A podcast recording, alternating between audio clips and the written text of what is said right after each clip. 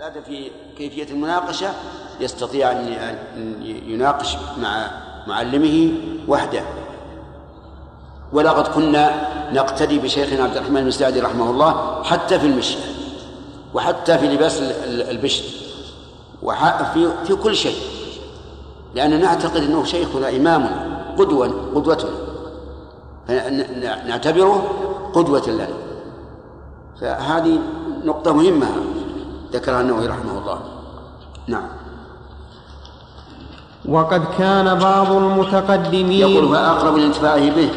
هذه واحد. والرسوخ ما سمعه منه في ذهنه. نعم. وهذه الثانية. وقد كان بعض المتقدمين إذا ذهب إلى معلمه تصدق بشيء وقال اللهم استر عيب معلمي عني. ولا تذهب بركة علمه مني. الله الله لأنه إذا رأى عيب معلمه سقط من عينه بقدر ما رأى من عيبه و ولا تذهب بركة علمي عني. هذا أيضا إذا لم يكن الإنسان يرى معلمه بأنه معلم حقيقة فإنه لا يجد بركة في تعلمه منه. نعم. وقال الشافعي رحمه الله كنت كنت كنت كنت أصفح الورقة بين يدي مالك رحمه الله صفحا رفيقا هيبة له لئلا يسمع وقعها. وقال الربيع وقال الربيع والله ما اجترأت أن أشرب الماء والشافعي ينظر إلي هيبة له. وقال حمدان وقال حمدان بن الأصفهاني كنت عند شريك رحمه الله فأتاه بعض أولاد المهدي فاستند إلى الحائط وسأله عن حديث فلم يلتفت إليه وأقبل علينا ثم عاد وأقبل علينا ثم عاد فعاد لمثل ذلك فقال أتستخف بأولاد الخلفاء؟ فقال شريك لا ولكن العلم أجل عند الله تعالى من أن أضعه فجثى على ركبتيه فقال شريك هكذا يطلب العلم. لأنه جاء واستند إلى الحائط كأنه يسأله وهو واقف غير مبال به. فمالك رحمه الله هجره شريك هجره حتى يجلس كما يجلس الطلاب نعم. وعن علي بن أبي طالب رضي الله تعالى عنه أنه قال من حق العالم عليك أن تسلم على القوم عامة وتخصه بالتحية وأن تجلس أمامه ولا تشيرن عنده بيدك ولا تعمدن, ولا تعمدن بعينك غيره ولا تقولن قال فلان خلاف قوله ولا تغتابن عنده أحدا ولا تسار في مجلسه ولا تأخذ بثوبه ولا تلح عليه إذا كسل إذا كسل. ولا تشبع من طول صحبته فإنما هو كالنخلة تنتظر متى يسقط عليك منها شيء. هذه يحتاج إلى آه، بيان سندها عن علي رضي الله عنه لأنها مهم. من يخرجها؟ بارك الله فيك. ومن آد؟ آه. يا يا. ومن آداب المتعلم أن يتحرى رضا المعلم وإن خالف رأيه على كل حال وصايا نافعة سواء صحت عن علي أو لا. إذا سلمت على القوم عامة تخص بالتحية. يعني ليس معنى أن تسلم عليه مثلا كما يعني تكرر السلام. لأن هذا فيه نوع من الاستخفاف به. لكن السلام عليكم آه، مثلا صبحك الله بالخير يا فلان يا شيخ. أن تجلس أمامه لأنه أقرب إلى الانتفاع. إذا كان الطالب أمام المعلم فهو أقرب إلى الانتفاع مما إذا كان على يمينه أو يساره. وأن ألا ألا تشيرن عنده بيدك.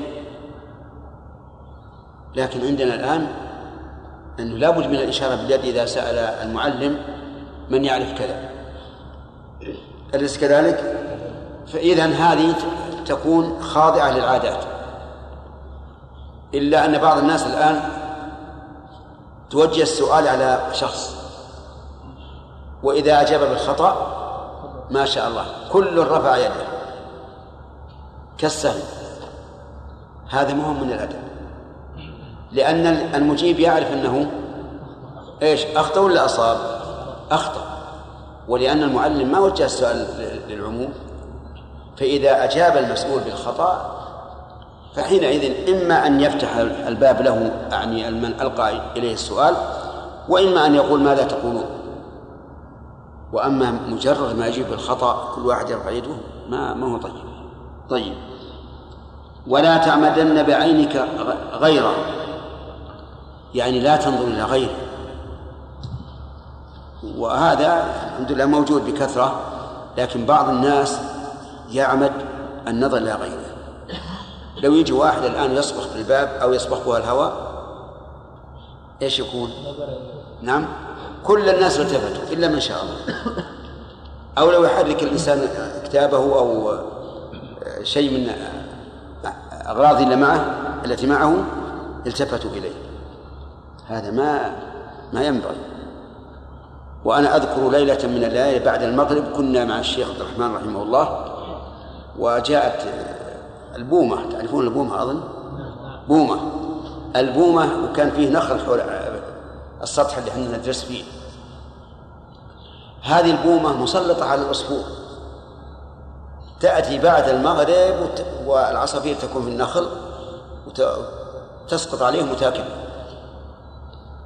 فالتفت التفات يسيرة إليها فانتقد للشيخ. قال صيد العلم أولى من صيد الطيور. فعلى كل حال أخذت الأدب إن شاء الله.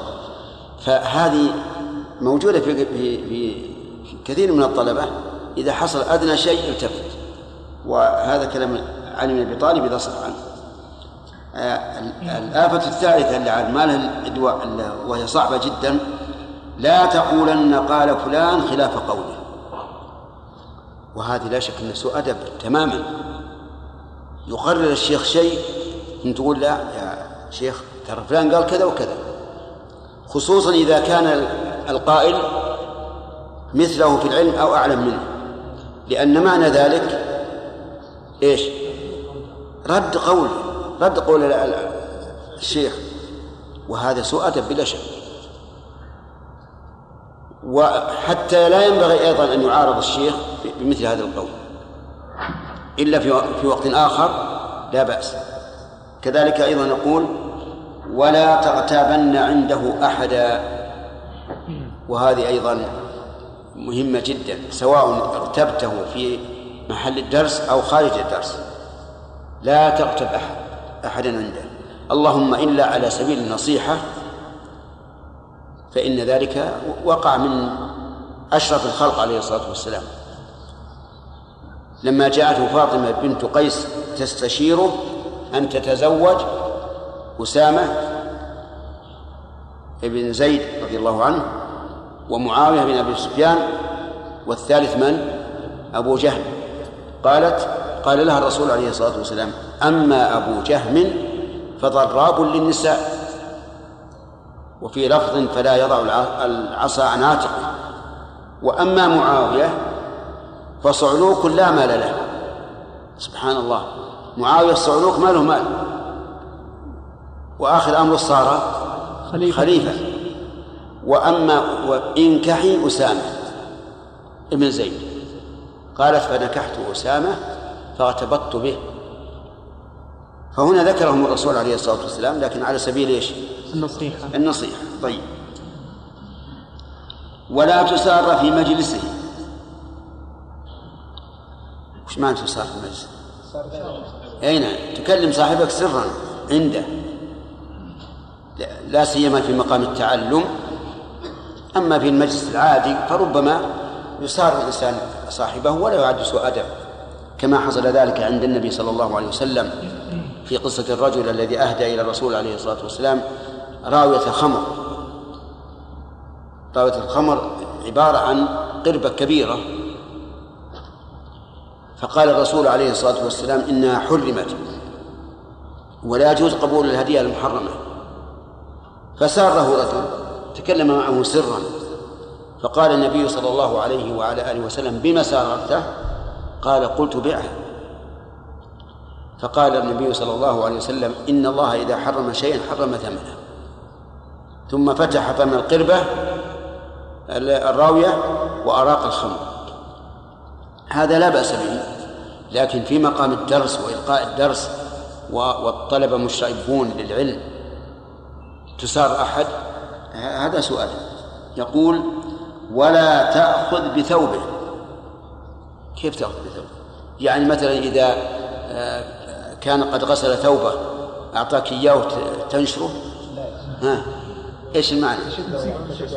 آه يعني تجره لأن هذا سوء أدب ولا يفعله إلا الجفاة كما فعل الأعرابي برسول الله صلى الله عليه وسلم.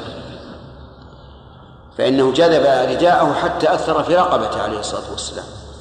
طيب كذلك أيضا لا تلح عليه إذا كسل. إذا رأيته تعبان كسلان إما من نطقه وإما من هيئته وإما من وجهه لا لا تلح عليه. اترك ال... إلى مقام آخر. ولا تشبع من طول صحبته. هذه بالنسبة لي أنا قد يكون فيها نظر. نعم. يقول لا مو أنتم جزاكم الله خير. لكن إن بقيتم على هذا دخلتم معي في بيتي. يقول لا لا تشبع من طول صحبته يعني مهما أمكن إذا أمكنك أن تصاحبه فهو خير. لأنك إما أن تسمع منه كلاما طيبا أو تقتدي منه بخلق طيب أو يكون عنده أحد يسأل يستفيد ويفيد. لكن إذا إذا رأيت أنه لا يحب أن تسمع مثل كلام غيرك ممن يسأل فابتعد. نعم. ومن آد ومن آد فيها أسئلة؟ لا ما في شيء. طيب. ومن آداب المتعلم أن يتحرى رضا المعلم وإن خالف رأي نفسه ولا يغتاب عنده ولا يفشي له سرا. وأن يرد, غي وإن, وأن يرد غيبته إذا سمعها فإن عجز فارق ذلك المجلس. هذه أيضا من الآداب المهمة أن يتحرى رضا المعلم لأن المعلم كالأب وإن خالف رأيه. ولا يغتاب عنده مر عليه. ولا يفشي له سرا لأن إفشاء السر من غير المعلم حرام. فكيف بالمعلم؟ قال العلماء رحمهم الله وإذا حدثك أحد بحديث والتفت فهو أمانة. فهو أمانة. يعني وإن لم يقل لا تخبر أحدا وإن لم يقل هذا بيني وبينك ما دام التفت فهذا يعني أنه لا يحب أن يسمعه أحد. كذلك أيضا إذا سمع أحد يغتاب معلمه يغتاب معلمه. فالواجب عليه أن يدافع وإذا سمع أحد يغتاب غير معلمه فالواجب أن يدافع لأنه يكف عن عرض أخيه. فإن عجز فليفارق وليقم سواء في المعلم أو غير المعلم. نعم.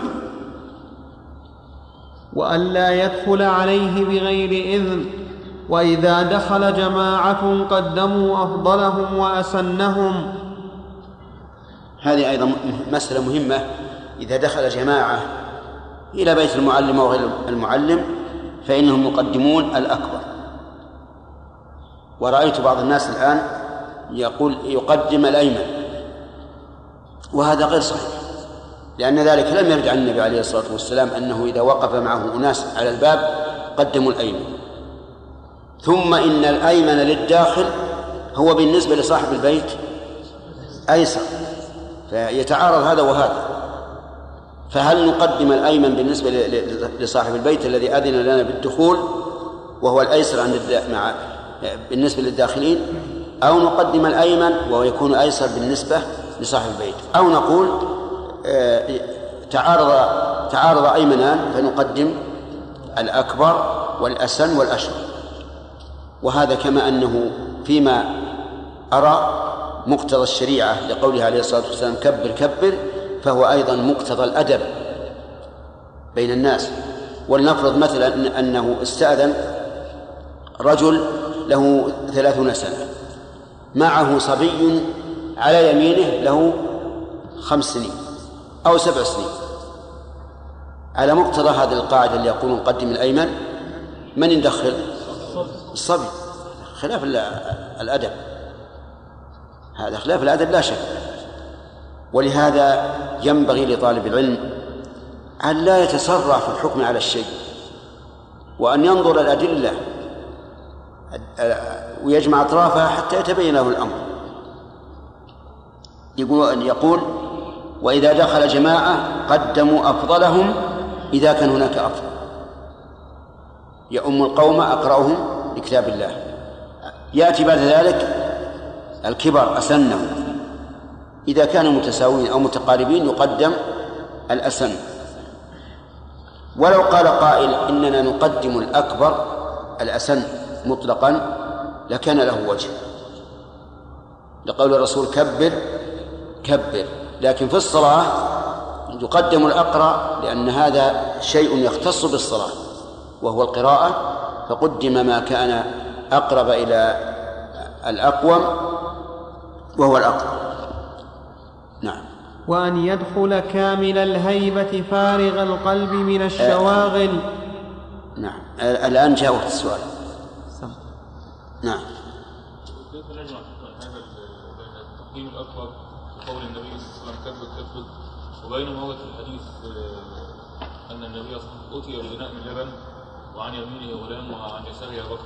نعم. وأعطى الغلام وقال الايمن الايمن لا معارضة أصلا لأنه إذا وجه واحد على اليمين وواحد على اليسار قدم الأيمن لكن إذا كانوا أمامك قدم الأكبر. ومنه الدخول البيت.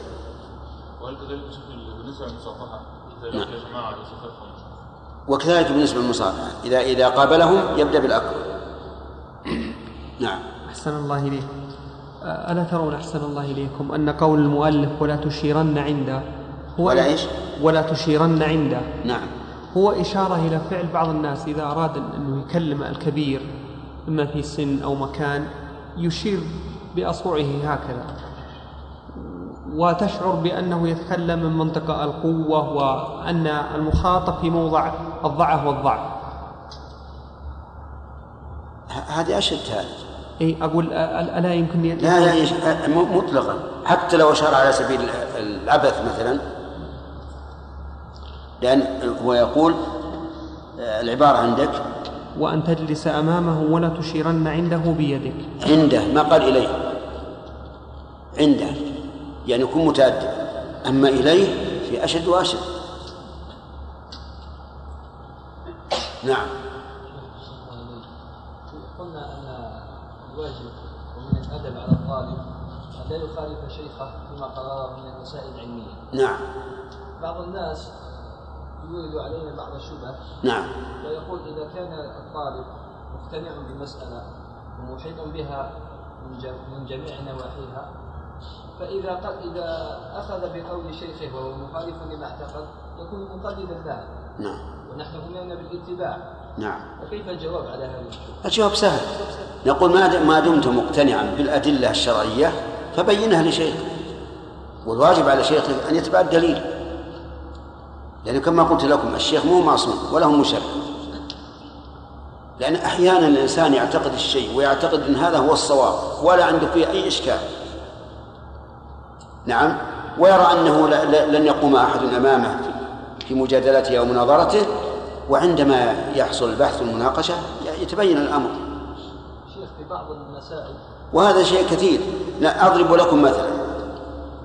إذا سجد أحدكم فلا يبرك كما يبرك البعير وليضع يديه قبل الركبتين. هذه قضية مسلمة عند كثير من من الناس أن المعنى أنك تبدأ باليدين قبل قبل الركبتين كما هو في آخر الحديث وليضع يديه قبل الركبتين ولا أحد يقبل المجادلة فيها ولا أحد يرى أنها إلا أن هذا. وإذا رجعنا إلى المقتضى اللفظ لغويا تبين أن الأمر بخلاف ذلك. فإن لفظ الحديث فلا يبرك كما يبرك البعير وليس فلا يبرك على ما يبرك عليه البعير هم توهموا أن المعنى لا تبرك على ما يبرك عليه البعير وهو الركبة وقالوا إن إن ركبتي الجمل في في يديه. مع أن علماء اللغة مختلفون في هذا. بعضهم يقول إن ركبتيه في في رجليه. لكن المشهور والمعروف أن ركبتي الجمل في يديه. لكن الرسول عليه الصلاة والسلام كلامه محكم.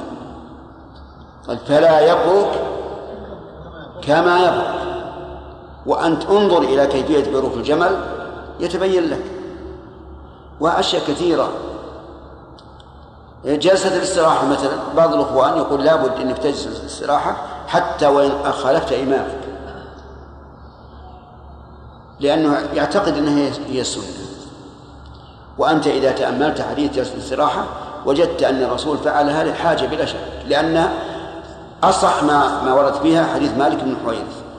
ومالك بن حويرث وصف قيام النبي عليه الصلاة والسلام أنه يجلس ثم يعتمد على يديه ويقوم. وهذا لا يفعله إلا إلا من يحتاج إلى إلى الاستراحة حتى يعتمد على اليدين ويقوم. لهذا أنا أقول التلميذ إذا كان قد درس من قبل أو في أثناء مطالعته ما يخالف رأي أستاذه فالواجب أن يناقش. لأنه كيف كيف يليق أنك مثلا تقرر شيء وبعد انتهاء المجلس مباشرة يرى طلابك يخالفونك وش هذا؟ وين طلب العلم؟ فأنا أرى أن هذا مو صحيح نعم شيخ في قوله يا شيخ ولا تلح عليه إذا كسر هل يعني من معانيه يا شيخ إنه الشيخ إذا نوقش في مسألة المسائل وارسل عليه باعتراضات فظهر إن الشيخ كسر في هذه المساله هل هذا معناها ولا معناها معنى لا لا الظاهر معناها يعني نفسيا تعبان مثلا إما لكثرة الأسئلة التي وردت عليه وإلا لمؤثر خارجي. أنتم لا تظنون إن الإنسان اللي أمامكم لا ليس لديه إلا إلا أنتم مثلا. قد يكون هناك مؤثرات خارجية إما في أهله وإلا في غير أهله. ويكون يعني نفسه ما هي منطلقة. ولذلك يجب ان تراعى هذه المسائل. مو معنى أن المدرس إذا جاء هو متفرغ من كل شيء. قد يكون هناك أشياء مؤثرات خارجية وكما قال الرسول عليه الصلاة والسلام يقول إنه ليغان على قلبي وإني لاستغفر الله وأتوب إليه أكثر من سبعين مرة. ما يدخل فيها هذا المعنى؟ نعم؟ ما يدخل فيها هذا المعنى؟ إيش؟ يدخل فيها هذا المعنى بمعنى أن الشيخ إذا توقف في مساله فلا فلا يلح على سؤال لا إذا لا هذه قد يكون متوقف على أكبر ما يكون من نشاط. فيتوقف لتعارض الأدلة عنده. إذا كسل عن الإجابة. ها؟ يعني إذا كسل عن الإجابة. لا الكسل غير مسألة العجز العجز شيء والكسل شيء آخر. نعم. شيخ بارك الله فيك قلنا ان قلنا أنه لا ينبغي لأن التلميذ أن يعارض شيخه فيما قاله بقول آخر مثلا.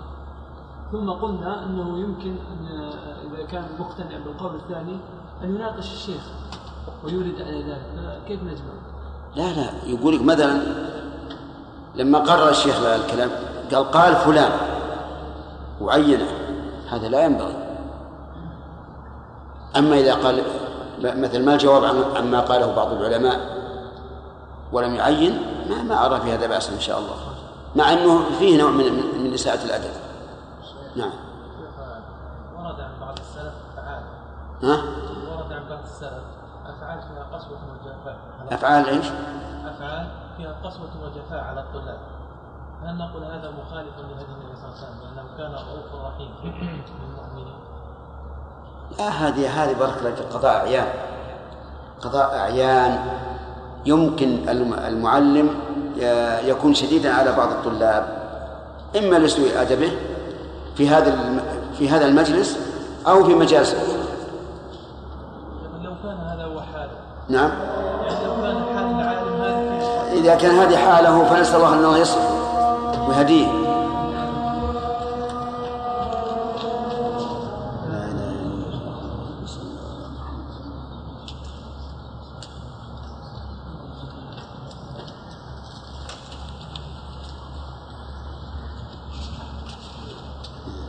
ويسلم على الحاضرين كلهم بصوت يسمعهم إسماعا محققا.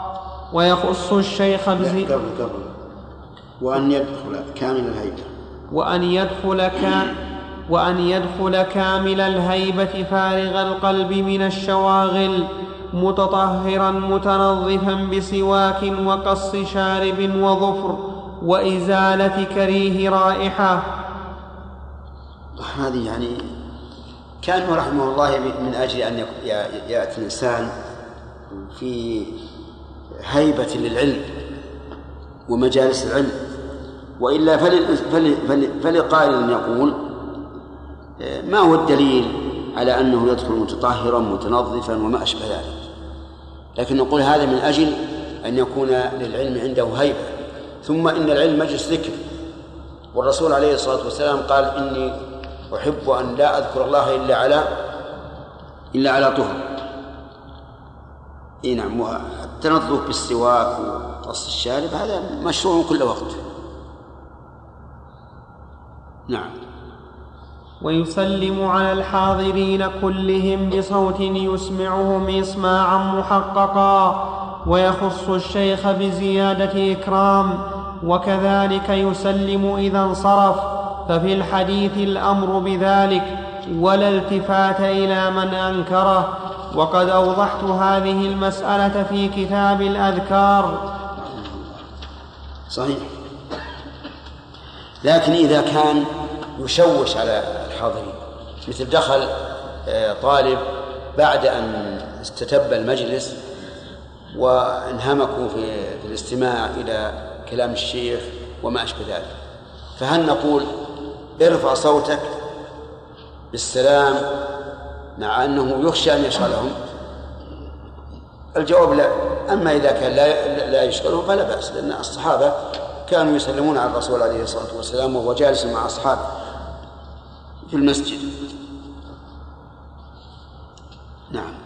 ولا يتخطى رقاب الناس ويجلس حيث انتهى به المجلس إلا أن يصرح له الشيخ أو الحاضرون بالتقدم والتخطي أو يعلم من حالهم إيثار ذلك. نعم. واضح. إيه بس قول نعم. الشيخ يصرح له الشيخ معلوم. نعم. أو الحاضرون. كيف الحاضرون يصرحون له بالتقدم؟ إيه يقول تفضل. إي ها؟ ما الذي أعطاهم هذا الحق؟ كيف؟ الحاضرون في مجلس الشيخ. نعم. الواجب انهم ما يعني من الأدب لا لا يقولوا شيئا. إيه. قد يعرفون من الشيخ أنه يكرمه. إيه نعم. ولا يقيم احدا من مجلسه فإن آثره غيره بمجلسه لم يأخذه إلا أن يكون في ذلك مصلحة للحاضرين. بأن يقرب من الشيخ ويذاكره مذاكره مذاكرة ينتفع ينتفع الحاضرون بها. كل هذا واضح. ولا يجلس وسط الحلقة إلا لضرورة ولا بين صاحبين إلا برضاهما. وإذا فسح له قعد وضم نفسه ويحرص على القرب من الشيخ ليفهم كلامه فهما كاملا بلا مشقة وهذا بشرط أن لا يرتفع في المجلس على أفضل منه. هذا صحيح. إذا كان أحد الطلاب ثقيل السمع يحتاج إلى أن يجلس إلى جنب الشيخ فهنا ينبغي أن يؤثر في ذلك وأن يقدم ولا حرج عليه إذا تقدم أيضا.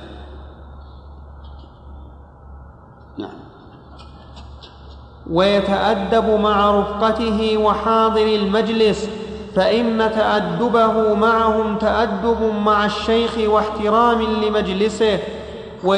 واحترام لمجلسه ويقعد قعدة المتعلمين لا قعدة المعلمين وش الفرق؟ وش تعرفون الفرق؟ الفرق. وش تقول يا شرف؟ يجلس يعني نزل كان كان صدر المجلس. كيف؟ كان صدر المجلس. نعم. يعني بهيئة تدل على أنه يعني معتد بنفسه وأنه يرى قوله. يعني لا يجلس متعاظما؟ والم- والمعلم. لأن جلسته تكون خلاف جلسة المعلم. نعم. هذا الله أعلم. نعم. الظاهر والله أعلم يا شيخ المعلم له أن يتكئ وله يعني أن يجلس هيئات لا يصح ولا يليق بالطالب أن يجلسها مثل أن يجلس الطالب على جدار ويقول برجله هكذا ويتكي هذه مين جلسة يعني يمد رجله. إي نعم هذه ليست جلسة إنسان متواضع. نعم. جلسة المتعلمين العادية هي التربع فيما يبدو. إلا إن أوجعته رجله عاد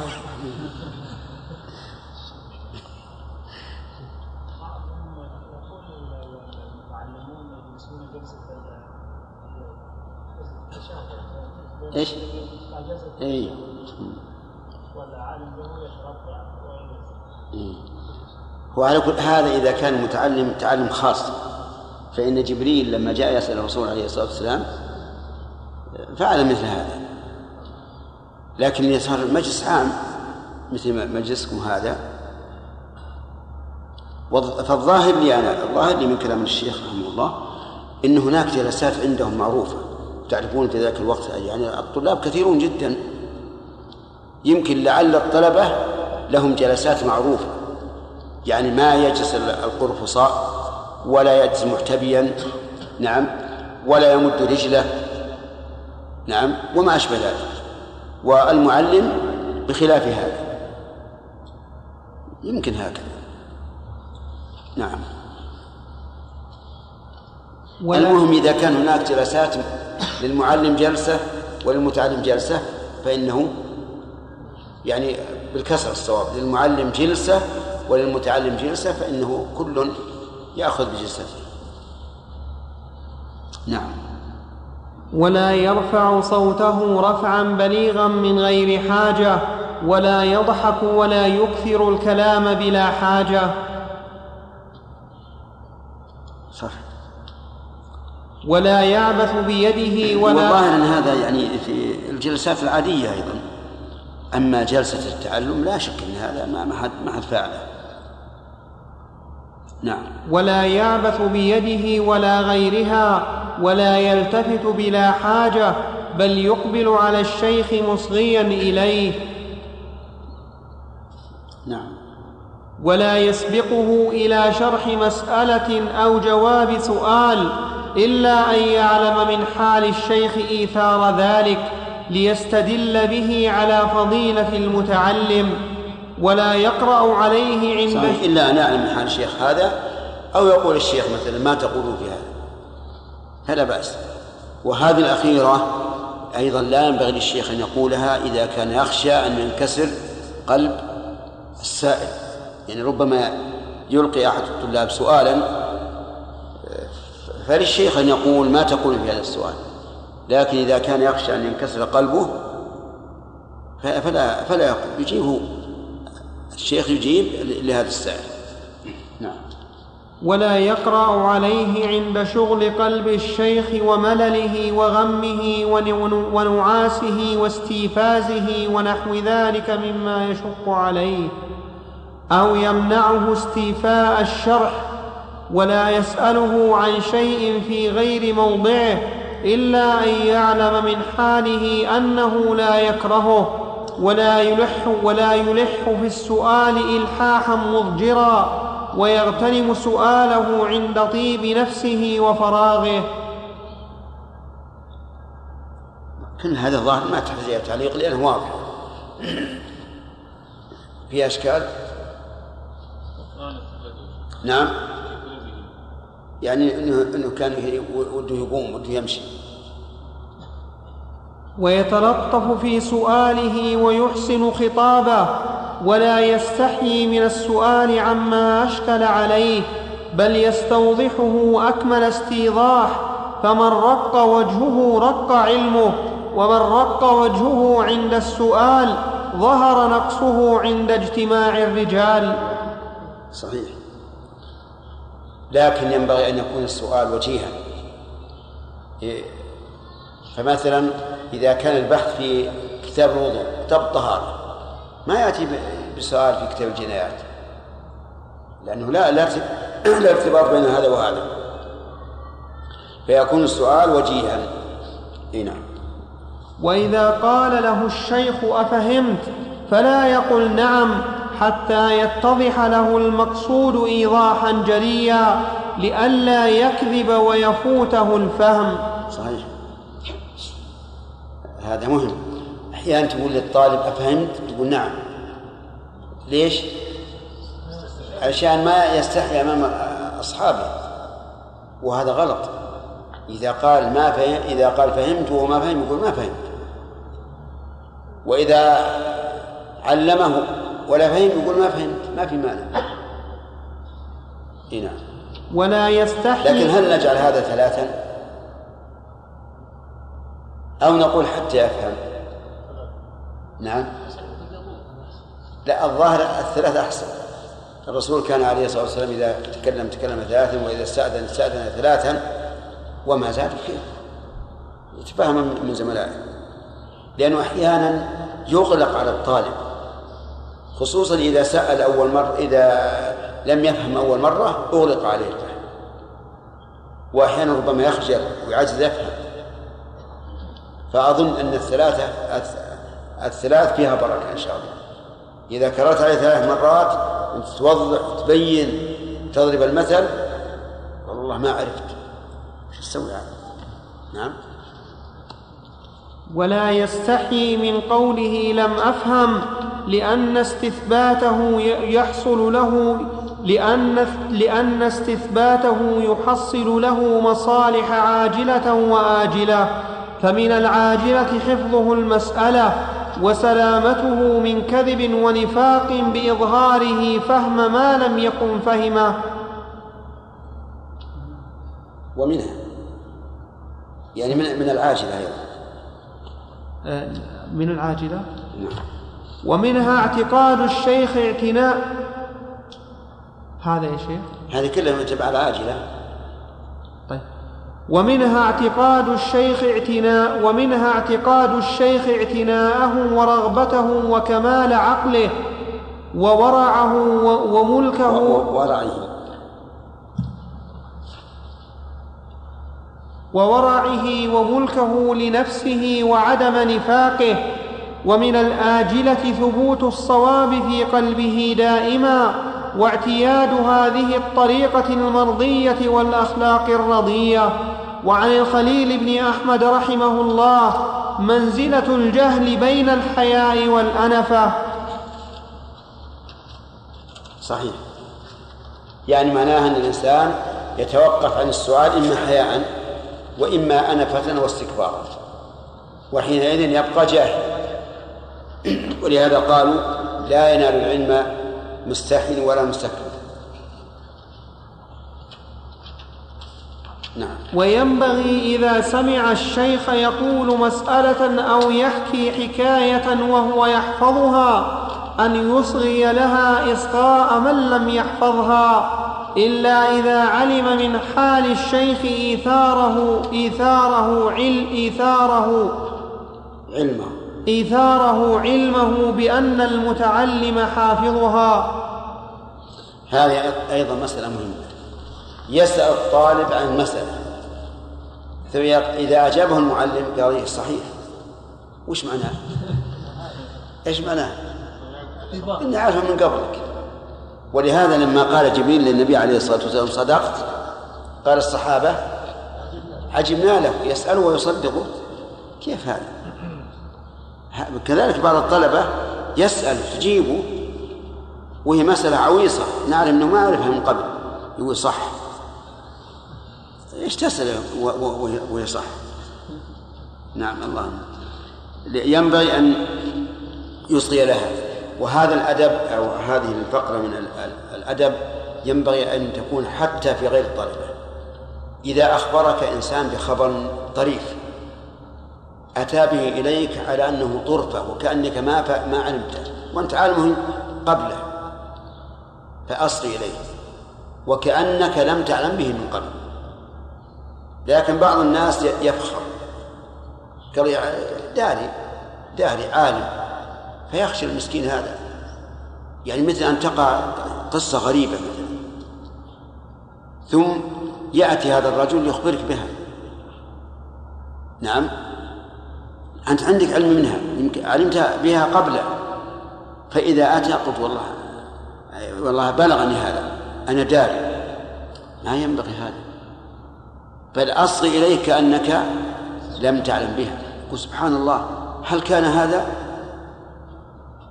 حتى يعني يفرح. لأن الإنسان يفرح أنه يعلم غيره بشيء من من طرائف العلم أو الأدب أو غيرها. نعم. وينبغي أن يكون حريصا على التعلم مواظبا عليه في جميع أوقاته ليلا ونهارا حضرا وسفرا ولا يذهب ولا يذهب ولا ولا يذهب ولا يذهب من أوقاته شيئا في غير العلم إلا بقدر الضرورة لأكل ونوم قدرا لا بد منه ونحوه ونحوهما.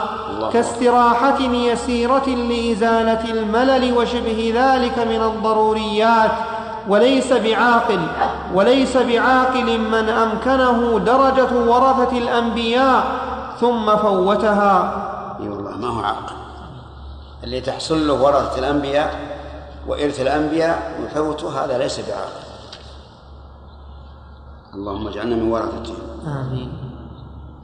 وقد قال الشافعي رحمه الله في رسالته حق على طلبة العلم بلوغ غاية جهدهم في الاستكثار من علمه والصبر على كل عارض دون طلبه وإخلاص النية لله تعالى في إدراك علمه في إدراك علمه نصا واستنباطا. والرغبة إلى الله تعالى في العون عليه وفي صحيح مسلم عن يحيى بن أبي كثير أنه قال لا يستطاع العلم براحة الجسم ذكره في أوائل مواقيت الصلاة.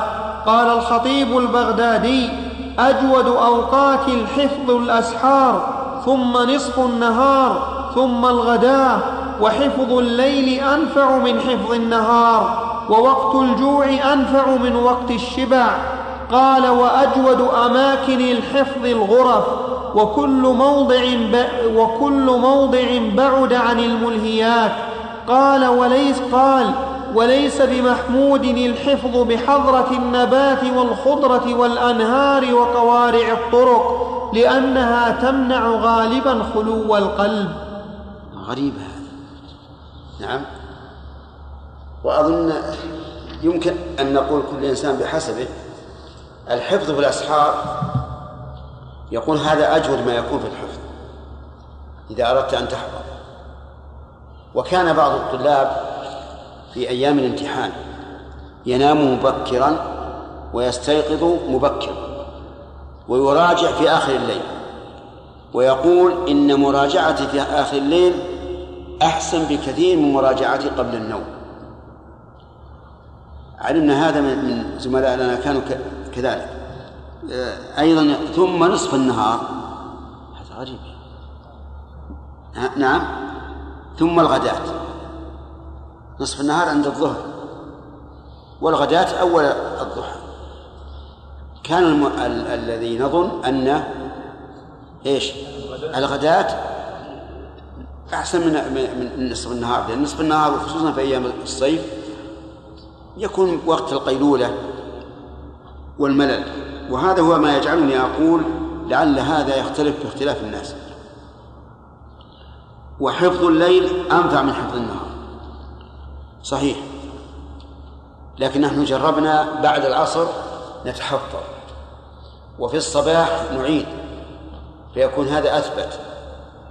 لأن الناس في عهدنا ما كان عندهم هذه المغريات والمسليات في الليل الذي كان الليل والآن كأنه نهار بل كان هو النهار عند كثير من الناس. كثير من الناس يسهر في الليل إلى الفجر وينام في النهار إلى إلى الظهر. لكن كان في عهدنا الإنسان آه، ينام مبكرا حينما يصلي العشاء ثم يستيقظ وفي الصباح يعيد ما حفظه في العصر يجده ضبط ضبطه تماما. طيب يقول أيضا وقت الجوع أنفع من وقت الشبع. لأن القلب أفرغ أفرغ والإنسان إذا شبع دخله الكسل والملل. ولذلك قال النبي عليه الصلاة والسلام حسب ابن آدم لقيمات يقمن صلبه فإن كان لا محالة ولا بد يعني فثلث لطعامه وثلث لشرابه وثلث لنفسه. وأن تجرب تجد. خفف من الأكل. تجد أنك تكون نشيطا. وإذا جئت فكل. لا نقول مثلا خفف من الأكل ولكن ولا تأكل إلا في الوجبة الثانية المقررة. لا. خفف من الأكل وإذا جئت فكل. هذا هو مقتضى الطب. حتى سمعت أن بعض آه، الدول المتقدمة في الدنيا يعملون هكذا. ما أدري رشاد يوافقني في هذا ولا لا. يعني إنك تخفف من الأكل وإذا جاءت تكون تاكل ها؟ لا بعض الآن عملنا الآن. يكثر عدد الوجبات يعني؟ أي يكثر عدد. خمسة بدل ثلاثة ويكون أخف يعني. أي نعم. هذا جيد لا, لا نحن الآن لنا ثلاث وجبات مثلا. الفطور والغداء والعشاء. لكن ما يقوم الإنسان من الوجبة إلا وقد ملأ بطنه. نعم. سبحان الله. والرسول عليه الصلاة والسلام يقول إن كان لا محالة فثلث لطعامه وثلث لشرابه وثلث لنفسه لكن مع ذلك لا بأس بالشبع أحيانا. أحيانا لا بأس. كما صنع أبو هريرة رضي الله عنه. فإن أبا هريرة كان جائعا جوعا شديدا. وكان يأتي إلى الصحابي يسأله عن آية من كتاب الله ويعرفها لكن يقول لعله يستتبعني يقول امش معي إلى البيت ولكنه ما أحد كلمه. يقول حتى جاء أبو القاسم صلى الله عليه وسلم رسول الله فعرف ما في وجهه فطلبه يتبعه. وجيء بلبن وشرب الناس. حتى بقي أبو هريرة هو آخر الناس. فشرب وشرب والرسول يقول اشرب اشرب باهر قال والله لا أجد مساغا إذا معناه أنه قد ملأ إيش؟ قد ملأ بطنه لكن هذا أحيانا فلا بأس به.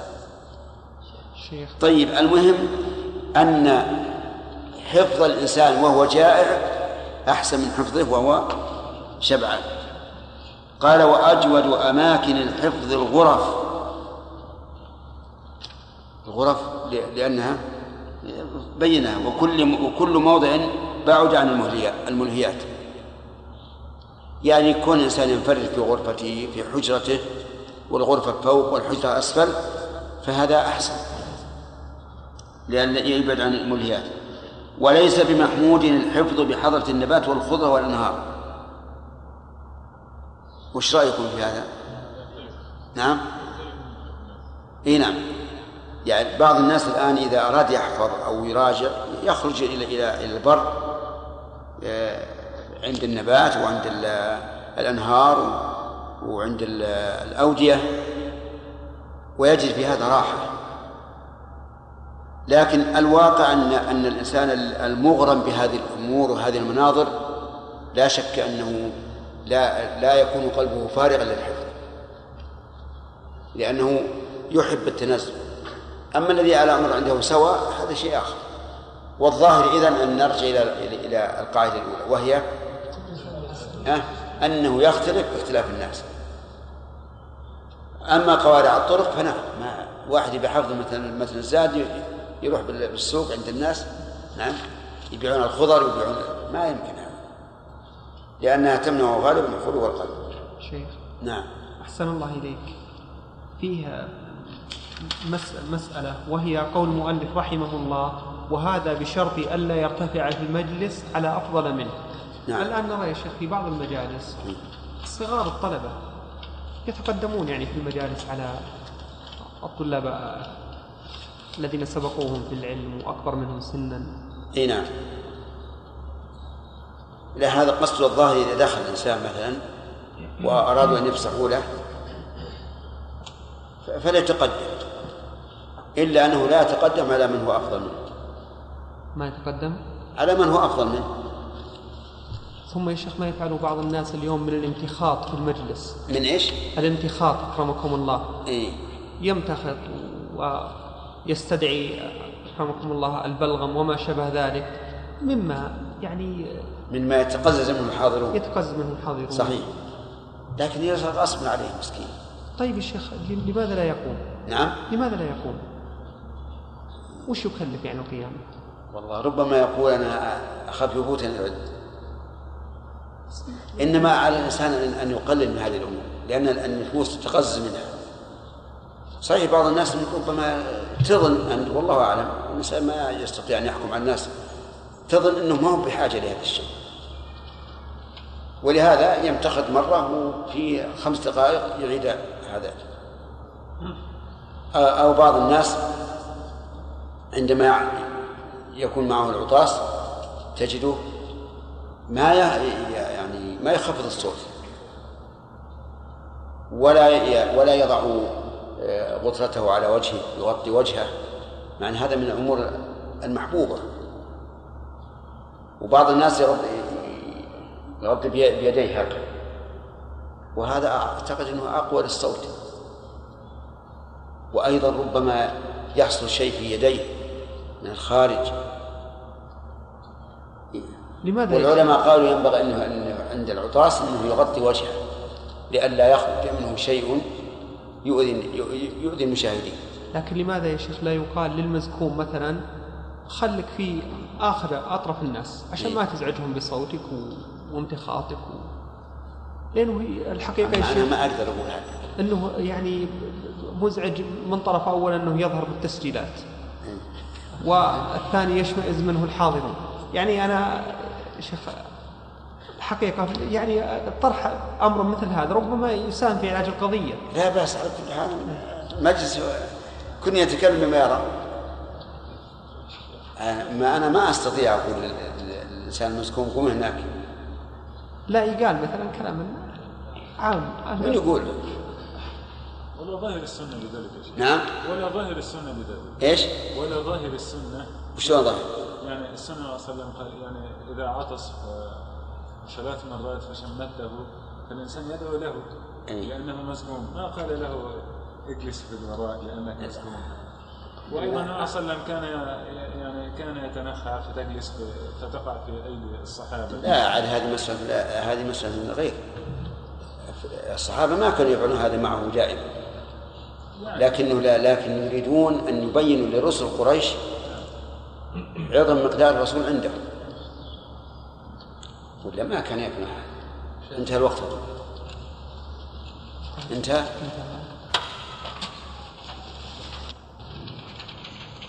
وجدتموه؟ طيب تفضل. بسم الله. أثر علي أخرجه ابن عبد البر في جامع بيان العلم وفضله والخطيب البغدادي في الجامع لأخلاق الراوي وأداب السامع كما أخرجه كذلك في الفقيه والمتفقه. أما ما أخرجه ابن عبد البر فيقول رحمه الله تعالى حدثنا خلف بن القاسم قال حدثنا عبد الرحمن بن إسماعيل بن عبد الله بن سليمان الأسواني قال حدثنا أبو جعفر الطحاوي أحمد بن محمد بن سلامة بن سلمة الأزدي قال حدثنا محمد بن حفص الطالق- الطالقاني قال حدثنا صالح بن محمد الترمذي قال حدثنا سليمان بن عمرو النخعي عن شريك يعني بن عبد الله بن أبي نمر عن سعيد بن المسيب أن علي بن أبي طالب رضي الله عنه قال من حق العالم الا تكثر عليه بالسؤال ولا تعنته بالجواب والا تلح عليه إذا كسل ولا تأخذ بثوبه إذا نهض ولا تفشين له سرا ولا تغتابن عنده أحدا ولا تطلبن عثرته وإن زل قبلت معذرته وعليك أن توقره وتعظمه لله ما دام يحفظ أمر الله ولا تجلس أمامه وإن كانت له حاجة سبقت القوم إلى خدمته ولا تجلس ولا تجلس أمامه وإن كانت له حاجة نعم. وإن كانت له حاجة سبقت القوم إلى خدمته. هذا الأثر بهذا الإسناد ضعيف جدا. ففيه صالح بن محمد الترمذي قال ابن حبان في المجروحين كان رجل سوء مرجئا جهميا داعية إلى البدع. يبيع الخمر ويبيح شربه وكان الحميدي يقنت عليه بمكة وإسحاق بن راهوية إذا ذكره بكى من تجرؤه على الله عز وجل. لا تحل كتابة حديثه ولا الرواية عنه. لم يكتب عنه أصحاب الحديث وإنما وقع روايته عند أهل الرأي. ولكني ذكرته ليعرف فتجتنب روايته.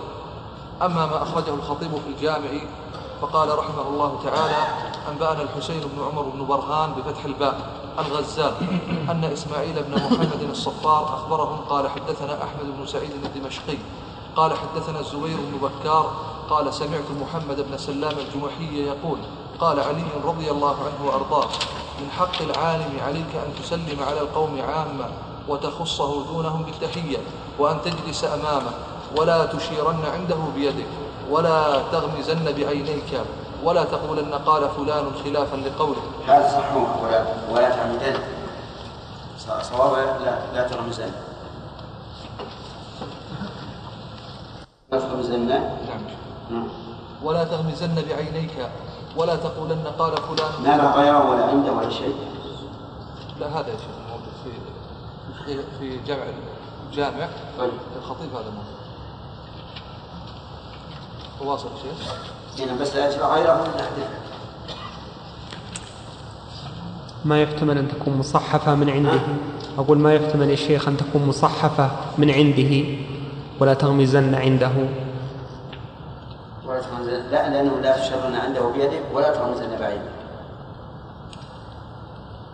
نعم. صح يا شيخ. والله أنا حذفتها من هنا.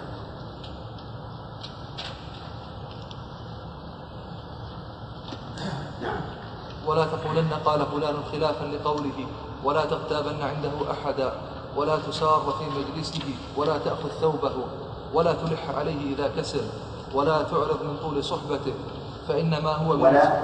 ولا تعرض من طول صحبته فإنما هو بمنزلة عندنا النخل أحسن. ولا تشبع من تنسى نعم. فإنما هو بمنزلة النخلة تنتظر متى يسقط عليك منها شيء. وإن المؤمن العالم لأعظم أجرا من الصائم القائم الغازي في سبيل الله. وإذا مات العالم ثلمت في الإسلام ثلمة لا يسدها شيء إلى يوم القيامة. وهذا الإسناد رجاله ثقات غير أنه منقطع بين محمد بن سلام الجمحي وعلي بن أبي طالب رضي الله عنه. هذا وصلى الله عليه وسلم. هذا ال- الفرع الأخير اللفظ الأخير هو المطابق. مع لكن في انقطاع تقول اي نعم شيخ متى كانت؟ كيف شيخ؟ أقول متى كانت ولادة؟ الرجل اللي روى عن علي. هو لم يسمع من علي. ما ولادة؟ إيه. سجلت عندي بورقة صغيرة يا شيخ بقيت في البيت. إيه. سجلت آه، وفاة كل راوي من الرواه إذا أردت يا شيخ غدا إن شاء الله. لا لا ما شاء الله الرجل إن شاء الله. أحسنت بارك الله فيك. طيب الحديث ن- نكتب أما على الرواية الأولى هذه ما حتى ما توافق اللي فيها مخالفة. لكن هذه يقال رواه الخطيب البغدادي كذا. عندك؟ هنا الجامع.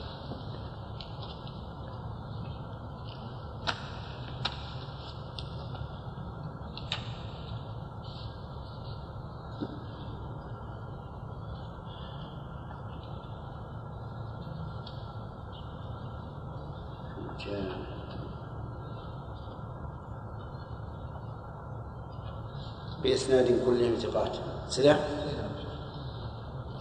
بإسناد كلهم ثقات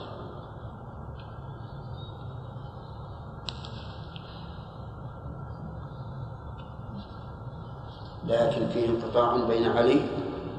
بين محمد بن سلام الجمحي وعلي بن أبي طالب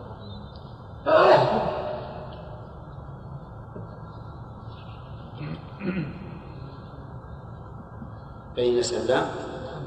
محمد بن سلام الجمحي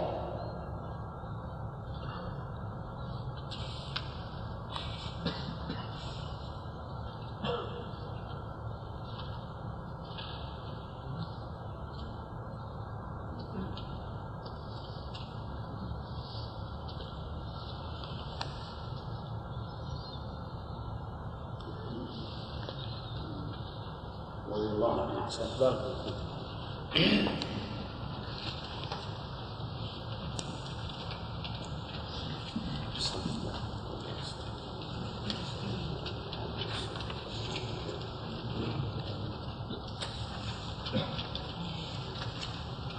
نعم. بسم الله الرحمن الرحيم. الحمد لله رب العالمين. وصلى الله وسلم وبارك على عبده ورسوله نبينا محمد وعلى آله وأصحابه أجمعين. أما بعد فقد قال النووي رحمه الله تعالى في آداب العالم والمتعلم وينبغي أن يصبر على جفوة شيخه وسوء خلقه ولا يصده ذلك عن ملازمته واعتقاد كماله ويتأول لأفعاله التي ظاهرها الفساد التي ظاهرها الفساد تأويلات صحيحة فما يعجز عن ذلك إلا قليل التوفيق. وإذا جفاه الشيخ ابتدأه بالإعتذار وأظ- واظهر أن الذنب له والعتب, والعتب, والعتب عليه فذلك أنفع له دينا ودنيا وأبقى لقلب شيخه. وقد قالوا من لم أنقى عندهم ولا أنقى؟ بالباء. يعني أبقى لقلب شيخي سليما أو ما أو أو ما أو هذا معناه وقد قالوا من لم يصبر على ذل التعلم بقي عمره في عماية الجهالة ومن صبر عليه آل أمره إلى عز الآخرة. إلى عز الآخرة والدنيا ومنه الأثر المشهور عن ابن عباس رضي الله عنهما دللت طالبا فعززت مطلوبا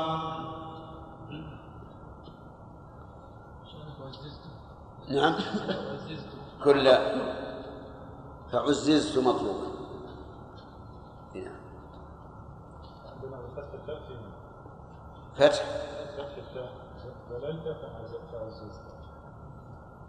لا لا ما هي المتكلم هي لكن هل معناه ذللت طالبا فعززت مطلوبا أو ذللت طالبا فعززت مطلوبا؟ السياق يدل على أنها مبنية المجهول. أنه ذلل طالبا يعني جفاه المعلم و وأذله ثم عزز مطلوبا يعني من لما كبر وحصل العلم عزز وصار عزيزا.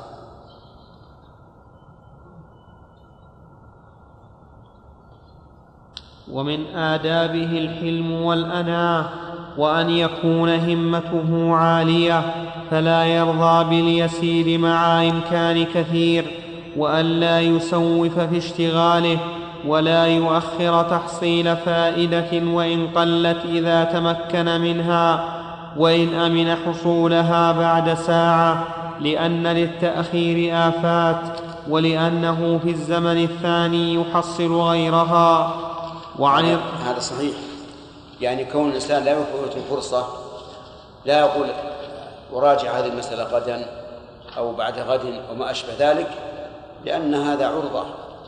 وكما قال المؤلف رحمه الله التأخير له آفات. وهذه العبارة وجدتها أيضا عن الإمام أحمد رحمه الله. قال إنه من قدر على الحج فليحج ولا يؤخر فإن للتأخير آفات. وهذا حقيقة. قد تكون الآن قادرا لكن يعتريك ما ما تعجز عن إدراك مطلوبك في وقت آخر. نعم. وعن الربيع أنه قال لم أرى الشافعي آكلا بنهار ولا نائما بليل لاهتمامه بالتصنيف ولا يحمل نفسه ما لا يطيق مخافة الملل. عندنا ما لا تطيق بالتاء والمعنى واحد.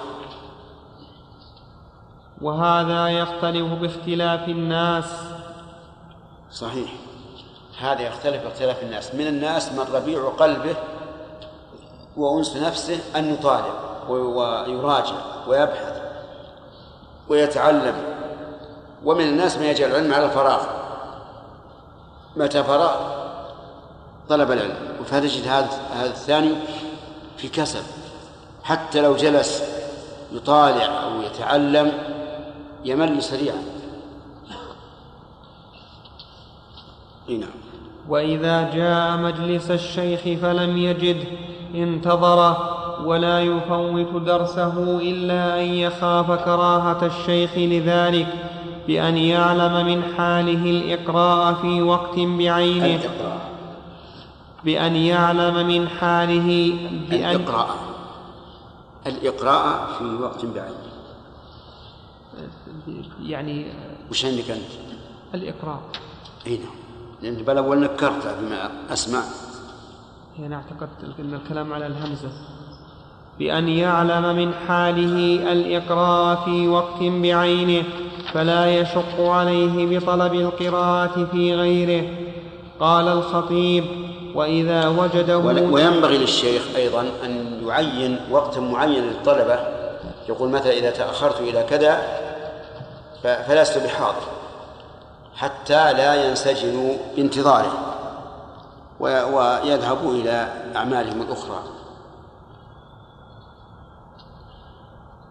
نعم قال الخطيب وإذا وجده نائما لا يستأذن عليه بل يصبر حتى يستيقظ أو ينصرف. والاختيار الصبر كما كان ابن عباس والسلف يفعلون. ابن عباس رضي الله عنه كان يأتي إلى الرجل عنده آه، الحديث عن الرسول عليه الصلاة والسلام في القائلة فيضع رداءه ويتوسده وعند عتبه الباب ينتظره فإذا خرج سأله عن الحديث. فيقول له الرجل يا, يا ابن عم رسول الله كيف تنتظر؟ فيقول كلاما معناه أن الحاجة لي فأنا صاحب الحاجة. الله أكبر. أين هؤلاء؟ نعم. وينبغي أن يغتنم التحصيل في وقت الفراغ والنشاط وحال الشباب وقوة البدن ونباهة الخاطر وقلة الشواغل قبل عوارض البطالة وارتفاع المنزلة. فقد روينا عن عمر رضي الله عنه أنه قال تفقهوا تفقهوا قبل أن تسودوا. وقال الشافعي تفقه قبل أن تسودوا. أي تجعلون اسيادا أو سادة. تفقهوا قبل أن تسودوا وقال الشافعي تفقه قبل أن ترأس فإذا رأست فلا سبيل إلى التفقه. سبحان الله. هذا صحيح. الإنسان إذا إذا اشتهر بعلمه وبرز بين الناس ما يفرح.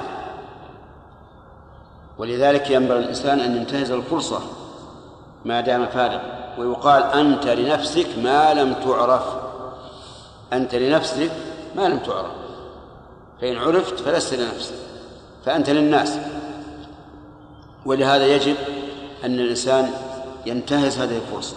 كما قال الشافعي رحمه الله تفقه قبل أن ترأس. فإذا رأست فلا سبيل إلى التفقه. وهو بمعنى ما روي عن عمر رضي الله عنه تفقهوا قبل أن تسودوا أي قبل أن يتخذكم يتخذكم الناس سادة عندي جملة معترضة يقول آه الفلبين ها؟ تكييف من كاتبه؟ ها؟ هذه هذا التكييف هذه يقول الفلبين بارد جدا إيش الفلبين؟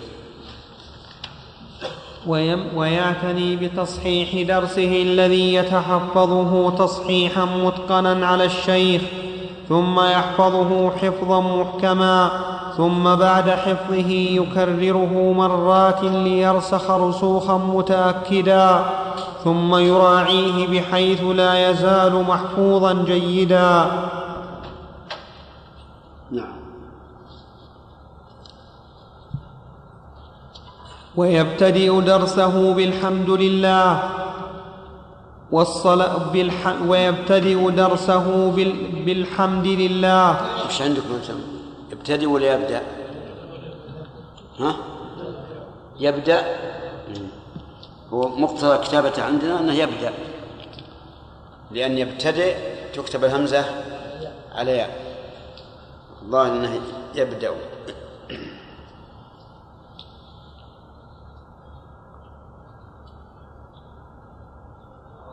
ويبتدئ, ويبتدئ درسه بالحمد لله والصلاة على رسوله صلى الله عليه وسلم والدعاء للعلماء. مثل هذا الأحسن أن تقرأ على سبيل الحكاية. إذا قال بالحمد لله فيقال بالحمد لله. لأنه لو أراد الجر لقال ويبدأ درسه بحمد الله. نعم مثل هذا يبقى الحكاية.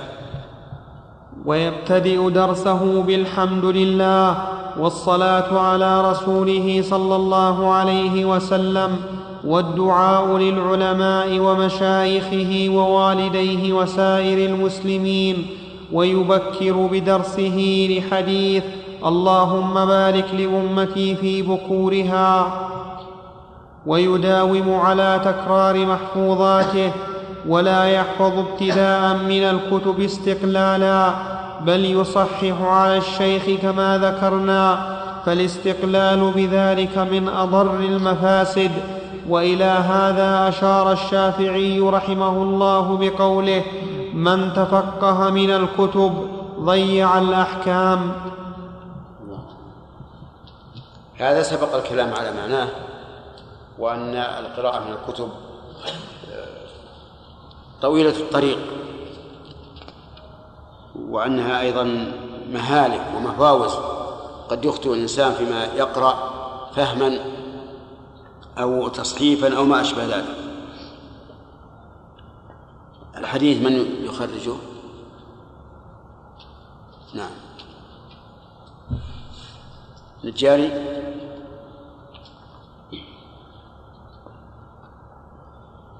وليذاكر بمحفوظاته وليدم الفكر فيها ويعتني بما يحصل بما يحصل فيها من الفوائد وليرافق بعض حاضري حلقة الشيخ في المذاكرة. قال الخطيب وهذه من أحسن ما يكون مرافقة الزملاء المحاضرة والمذاكرة إلا إذا خشي أنه إذا اجتمع مع زميله أضاعوا الوقت بالكلام فهنا يبتعد. لكن إذا كان زميله حريصا مثله وجلس وصار يذاكر مذاكرة يراد بها بيان الحق والوصول إليه فهذا من أحسن ما يكون. وهو من الأسباب التي يسخ بها العلم. نعم. قال قال الخطيب وأفضل المذاكرة مذاكرة الليل وقد وكان جماعة من السلف يفعلون ذلك وكان جماعة منهم يبدأون من العشاء فربما لم يقوموا حتى يسمعوا أذان الصبح. الله أكبر.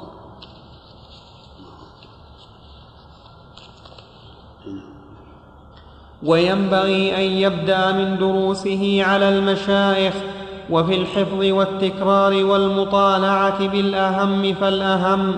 وأول ما يبتدئ به حفظ القرآن العزيز فهو أهم العلوم وكان السلف لا يعلمون الحديث والفقه إلا لمن حفظ القرآن وإذا حفظه فليحذر من الاشتغال عنه بالحديث والفقه وغيرهما اشتغالا يؤدي إلى نسيان شيء منه أو تعريضه للنسيان.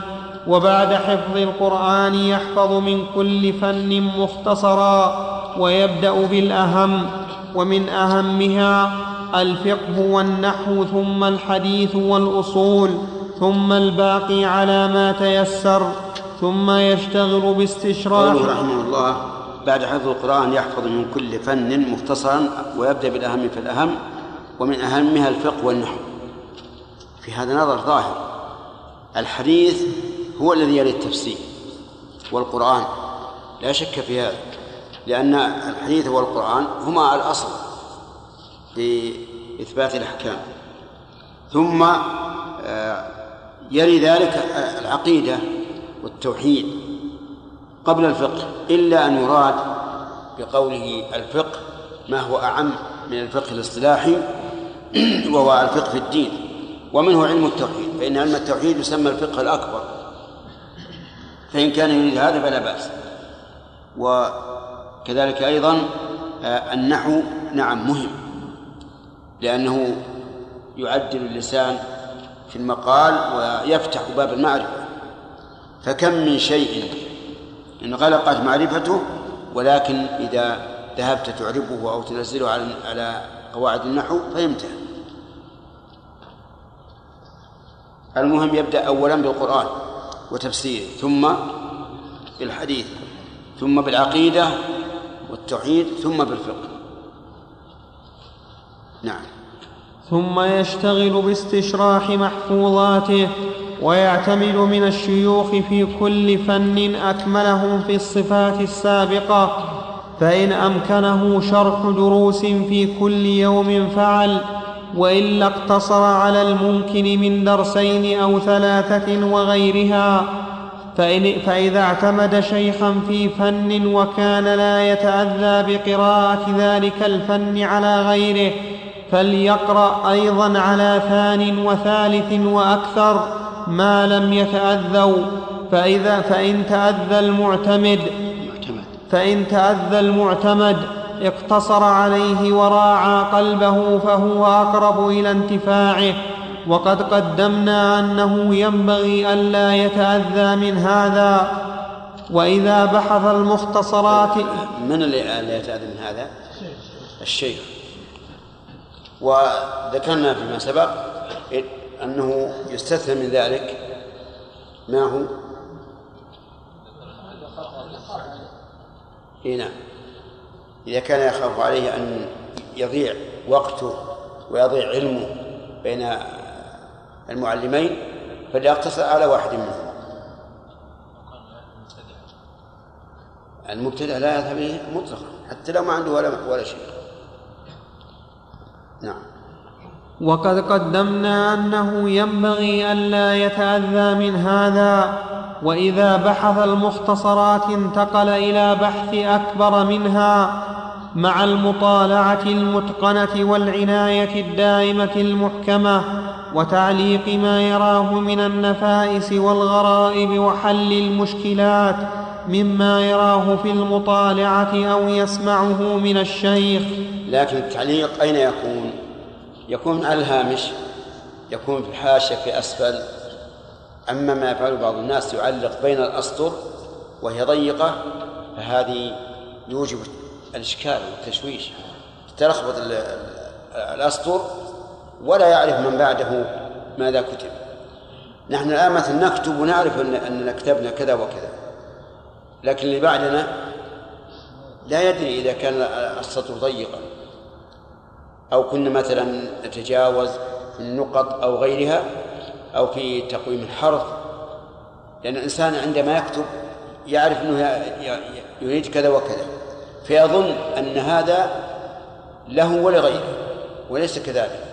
ولهذا إذا أردت أن تكتب فراعي غيرك قبل أن تراعي نفسك. نعم. ولا يحتقرن فائدة يراها أو يس أو يسمعها في, في أي فن كانت بل يبادر إلى كتابتها ثم يواظب على مطالعة ما كتبه. ثم, يبا ثم يبادر إلى كتابتها ثم يواظب على مطالعة ما كتبه وليلازم حلقة الشيخ وليعتن بكل الدروس ويعلق عليها ما أمكن فإن عجز, فإن عجز اعتنى بالأهم ولا يؤثر بنوبته فإن الإيثار بالقرب مكروه. فإن رأى الشيخ المصلحة في ذلك في وقت فأشار به امتثل أمره. قول لا يؤثر بنوبته يعني إذا وصله الدور لا يقول يا فلان قم عنه بنوبته بل هو الذي يقوم بها. وقوله فإن الإيثار بالقرب مكروه هذا فيه التفصيل. أما القرب الواجبة فالإيثار بها محرم. ولا يجوز للإنسان أن يؤثر غيره بها. كرجل ليس معه من الماء إلا ما يكفي لوضوئه أو وضوء صاحبه. فهنا الإيثار حرام ما لا يجوز. لأنك سوف تسقط به واجبا عليك. وأما الإيثار, وأما الإيثار بالقرب المستحبة فهذا فيه تفصيل. إن كان في ذلك مصلحة فلا بأس. كما لو آثرت والدك بالصف الأول في المسجد. يعني إنسان في الصف الأول دخل والده فآثره بذلك. فهذا لا بأس به. بل قد يكون خيرا لما فيه من إظهار البر للوالد وكذلك لو آثرت به من له حق عليك فلا بأس. أما إذا لم يكن هناك سبب فقد ذكر العلماء رحمهم الله أنه يكره الإيثار لأنه يدل على رغبة الإنسان عن الخير. نعم. وينبغي أن يرشد رفقته وغيرهم من الطلبة إلى مواطن الاشتغال والفائدة. طيب الإيثار بغير ذلك يعني بغير القرب. الإيثار بغير القرب هذا بغير القرب هذا من من أفضل الأعمال. وقد وصف الله تعالى الأنصار بأنهم يؤثرون على أنفسهم ولو كان بهم خصاصة. نعم. وينبغي أن يرشد رفقته وغيرهم من الطلبة إلى مواطن الاشتغال والفائدة. ويذكر لهم ما استفاد ويذكر لهم ما استفاده على جهة النصيحة والمذاكرة وبإرشادهم يبارك له في علمه ويستنير قلبه وتتأكد المسائل معه مع جزيل ثواب الله عز وجل. ومن بخل, ومن بخل بذلك كان بضده فلا يثبت معه وإن ثبت لم يثمر. نعم. ومتى بخل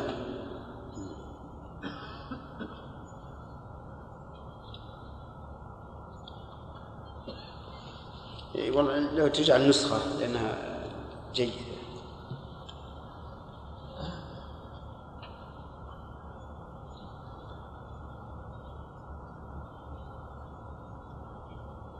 لكن بعض الناس عند الاختبار يقول ما أعلم. ليش؟ يخشى أن يكون أحسن منه. وهذا غلط. نقول إن إنه من كان في حاجة أخيه كان الله في حاجته. وربما تبخل عليه في هذا فينسيك الله تعالى ما علمت عند الحاجة إليه. فلا تبخل على إخوانك بما أعطاك الله تعالى من العلم. والحسد أشد. هنا الحسد أشد؟ كيف؟ الحسد معناه أنه يكره أن ينجح وإن كان ما علم وإن لم يعلمه؟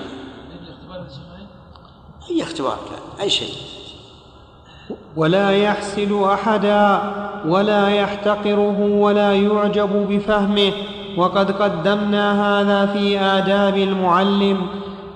فإن فعل ما ذكرناه فإن فعل ما ذكرناه وتكاملت أهليته واشتهرت فضيلته اشتغل بالتصنيف وجد في الجمع والتأليف محققا كل ما يذكره متثبتا في نقله واستنباطه متحريا في متحريا إيضاح العبارات وبيان المشكلات مجتنبا العبارات الركيكات والأدلة الواهيات مستوعبا معظم مستوعبا معظم احكام معظم أحكام ذلك الفن غير مخل بشيء من أصوله منبها على القواعد فبذلك تظهر له الحقائق.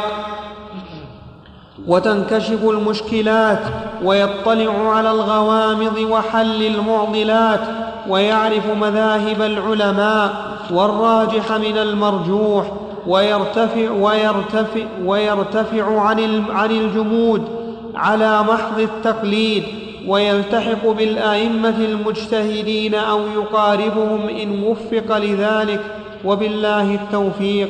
هذا جيد من من المؤلف رحمه الله وهو قوله يرتفع عن الجمود على محض التقليد. لأن بعض الناس لا يرتفع عن هذا تجده مقلدا لمن يقلده ولو بان الحق بخلافه وهذا لا يجوز لأن من قلد أحدا على هذا الوجه فقد اتخذه رسولا مع رسول الله صلى الله عليه وسلم. إذ لا أحد يجب الأخذ بقوله فعلا وتركا إلا الرسول عليه الصلاة والسلام. نعم. فصل في آداب يشترك فيها العالم والمتعلم. ينبغي لكل واحد منهما ألا يخل بوظيفته لعروض مرض خفيف ونحوه مما يمكن معه الاشتغال ويستشفي بالعلم ولا يسأل أحدا تعنتا وتعجيزا فالسائل تعنتا وتعجيزا لا يستحق جوابا وفي الحديث النهي عن غلطات لماذا؟ لكن كيف نعلم أن هذا الرجل متعنت أو معجز يعلم هذا بالقرائن وأن يأتي بالأشياء المعضلات التي لا, تقع إلا نادرا أو ربما لا تقع. وتكون أمورا نظرية فقط ي- يذكرها العلماء تمرينا للطالب. يعني في بعض المسائل العلم لا تقع. ليست واقعة ولا يت- يتوقع أن تقع لكن يذكرها العلماء تمرينا للطالب أو مثلا أو تمريرا لقاعدة يقعدونها. ويأتون لها بأمثلة فعلى كل حال السائل إذا عرفت من القرائن أنه متعنت أو معجز فلك أن تقول لا أجيب. وقد ذكرنا فيما سبق أن الله قال للرسول عليه الصلاة والسلام عليه الصلاة والسلام فإن جاءوك فاحكم بينهم أو أعرض عنهم. نعم. وفي الحديث جاء الأسئلة. نكمل؟ باقي يا شيخ. نعم. باقي. ها؟ ما بقى شوي؟ لا سا- ساعتي أعلم أجل هالحديث بس هذا. الحديث إن شاء الله بعد الأذان. شيخ بارك الله فيكم في مسألة مهمة. أخذنا أمس أن من يخطئ بعض الطلبة عندما يقرر شيخهم مسألة ويعملون بخلاف ما قرره الشيخ ولا يناقشونه في المجلس. نعم. في المجلس أو خارج المجلس؟ ما قلنا في المجلس. أي نعم. نعم. وقلنا أنه ينبغي له أن يناقش الشيخ فقد يبدي يصح له الشيخ رأيه. وقلنا الأفضل أنه لا يذكر مثلا أنه شخص بعينه أنه قال خلاف قوله ولكن يقول مثلا قال بعض العلماء. وقلنا أنه رغم ذلك أن في هذا نوع سوء أدب. لكن هل إذا قال الطالب إذا أعمل أنا بالأول ولا أناقش الشيخ لا حتى أقع في أخف الضررين حتى لا أسيء الأدب مع الشيخ. بذكر له أقوال مخالفة.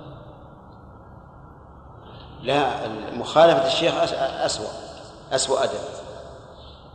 لأن الشيخ يشعر بأنه بأن الطلاب ما انتفعوا منه ولا استفادوا منه. إذ أن المقصود بالعلم هو التطبيق والعمل. فإذا رأى أنه يلقنهم ويقول هذا كذا وهذا كذا ثم لا يوافقونه أنا ما, ما في فائدة إذا يناقش الشيخ. نعم يا سليم. شيخ نجرب أن الشيخ الشيخ المثوق فيه واللي وصاحب طالب وصاحب العلم اللي اللي متمكن من العلم. انه يقول انه إنه ما يناقش إلا شيء شيء نادر. لأن الصحابة رضي الله عنهم وأرضاهم على وقت الرسول صلى الله عليه وسلم يوم بال الأعرابي. انتحروا انتحروا الأعرابي. والرسول صلى الله عليه وسلم صلى على على على على ما على ما فعل وهو خطأ.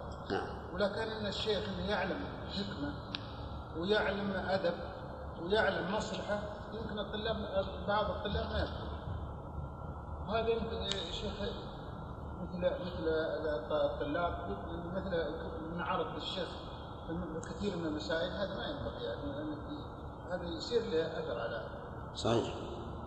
لأن الحكمة يعلمها الشيخ اخذ بالتجربة واخذ بالعلم واخذ العلم العلم الفن هذا ياخذه من كل من كل محل. وهذا يمكن اخذه من وجه واحد وخلى الوجوه كلها وربما من صغير أيضا تو تو بادئ يطلب العلم. نعم. شيخ؟